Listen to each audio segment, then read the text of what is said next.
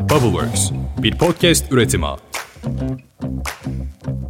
Günaydın. Bugün 16 Şubat 2023. Ben Özlem Gürses. 5 dakikada dünya gündemine hoş geldiniz. Artık depremi, acıyı, trajediyi, enkazı değil ya da insanı değil, parayı konuşuyoruz. Başlayalım. Bugün 11. gün. Borsa İstanbul dün açıldı ve inanmazsınız rekorlar kırdı. Çimento hisseleri de yine tavan yapmış. Bu arada Amerikan doları da aylar sonra rekorunu tazeledi. İlk kez 19 TL seviyesini geçti.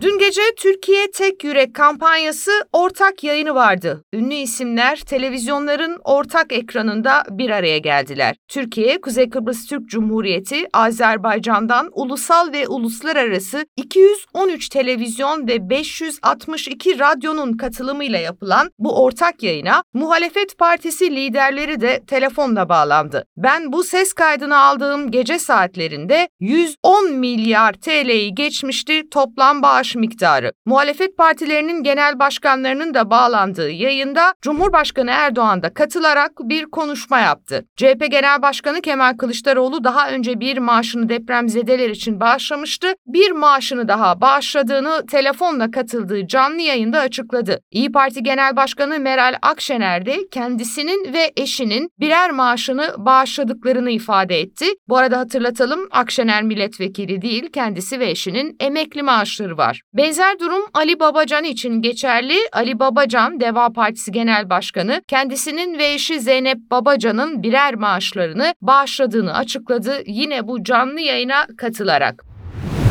İş Bankası grubu depremde ağır hasara uğrayan 10 il ve tüm ilçelerdeki kişiler için KOBİ'lere ve ticari işletmelere kullandırmış olduğu tüm bireysel ve ticari kredilerin ödemelerini 31 Ağustos 2023'e kadar faizsiz olarak ötelediğini duyurdu. Bankanın asıl önemli kararı ise borçlarla ilgili. İş Bankası bölgede depremlerde hayatını kaybeden müşterilerinin tüm bireysel kredi, ek hesap ve kredi kartı borçlarını ana para dahil olmak üzere sileceğini açıkladı.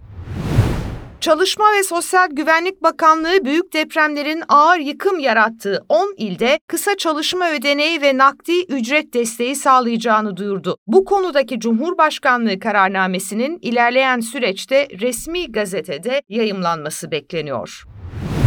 İşte para konuşuyoruz dediğim buydu. Ekonomide böyle normalleşme adımları atılıyor ama depremin acı tablosu da gün gün netleşiyor. Can kaybımız son olarak 35.418 kişi olarak açıklandı. Deprem bölgesinde hala mucize kurtarışlar var. Örneğin dün Hatay'da bir kadın ve iki çocuk depremin 228. saatinde sağ olarak çıkartıldı. Ancak sorunlar derinleşerek devam ediyor. Bölgedeki önemli ihtiyaçlardan biri psikolojik destek zira ciddi bir psikolojik çöküntü yaşanıyor. Ama anlaşılan hükümetimiz bir psikolojik desteği psikologlarla değil imamlarla vermeyi tercih ediyor. Bölgeye Diyanet personeli gönderiyormuş. Ya akıldan ya bu, bu kadar olamaz ya. Ne Diyanet personeli ya psikolog göndereceksin psikolog. Psikolog göndereceksin bölgeye. İmam mı halledecek psikolojiyi?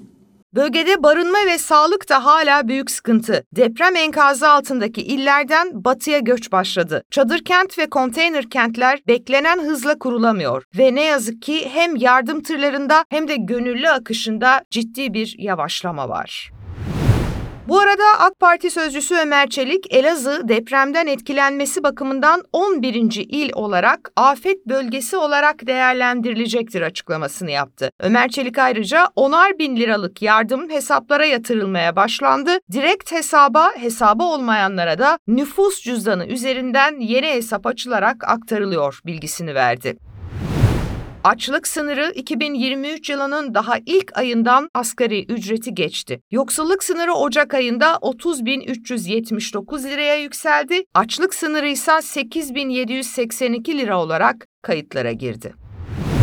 Afetzedeler için yardım toplayan Şah Kulu Sultan Vakfı'nın İstanbul Pendik Şubesi'ne silahlı bir saldırı düzenlendi. Dergahın Pendik Şubesi'ne deprem bölgesine gönderilmek üzere hazırlanan yardım paketleri tırlara yüklenirken bir saldırı yaşandı. Saldırıda bir kişi yaralandı, olayın ardından kaçanlar aranıyor. İstanbul Valiliğinden yapılan açıklamada olayın yol verme tartışması nedeniyle yaşandığı ifade edildi.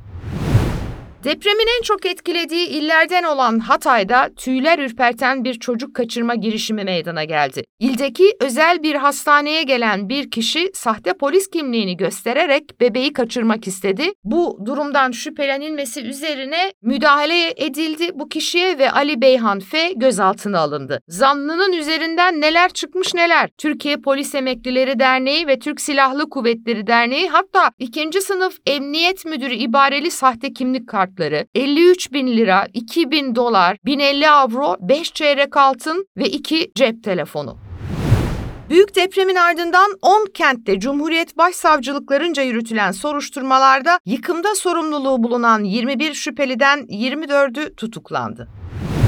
AFAD Deprem ve Risk Azaltma Genel Müdürü Orhan Tatar, iki büyük depremin ardından toplam 3858 artçı sarsıntı yaşandığını açıkladı. Yer kabuğunda 7,3 metreye kadar yer değiştirmeler olduğunu bildiren Tatar, kar yağışının devam ettiğini ve bu noktalarda çığ ve heyelan olabileceği uyarısını da yaptı. NATO Genel Sekreteri Jens Stoltenberg bugün Türkiye'ye geliyor. Stoltenberg, Cumhurbaşkanı Erdoğan'la görüşecek ve NATO'nun dayanışma mesajını iletecek. Türkiye'nin bugün bir başka ziyaretçisi ise Amerikan Dışişleri Bakanı Antony Blinken. Blinken, Münih Güvenlik Konferansı sonrası Almanya'dan önce deprem bölgesine geçecek ve Adana'da İncirlik hava üssünde deprem yardımlarını yerinde izleyecek. Evet, bugünün gündemi böyle. Tarkan'la bitirelim istiyorum. Zira Tarkan sosyal medya hesaplarından binlerce insanın yaşamını yitirdiği depremlerle ilgili yetkililere bir çağrıda bulundu. Hiçbir yetkinin hatayı kabul etmediğini hatırlattı Tarkan ve ihmalkarlığın bedelini bu millet canıyla ödedi dedi. Canım Tarkan, o zaman isterseniz onun bir şarkısıyla bitirelim bugünkü bülteni. Unutmamalıyla. Bence de unutmamalı. Yarın görüşünceye dek. Hoşçakalın. Gitmemeli sevenleri değerlerini bilmeli Deli gibi yürekten sevmeli Uğruna dünyaları vermeli incitmemeli sevenleri Bubbleworks bir podcast üretimi.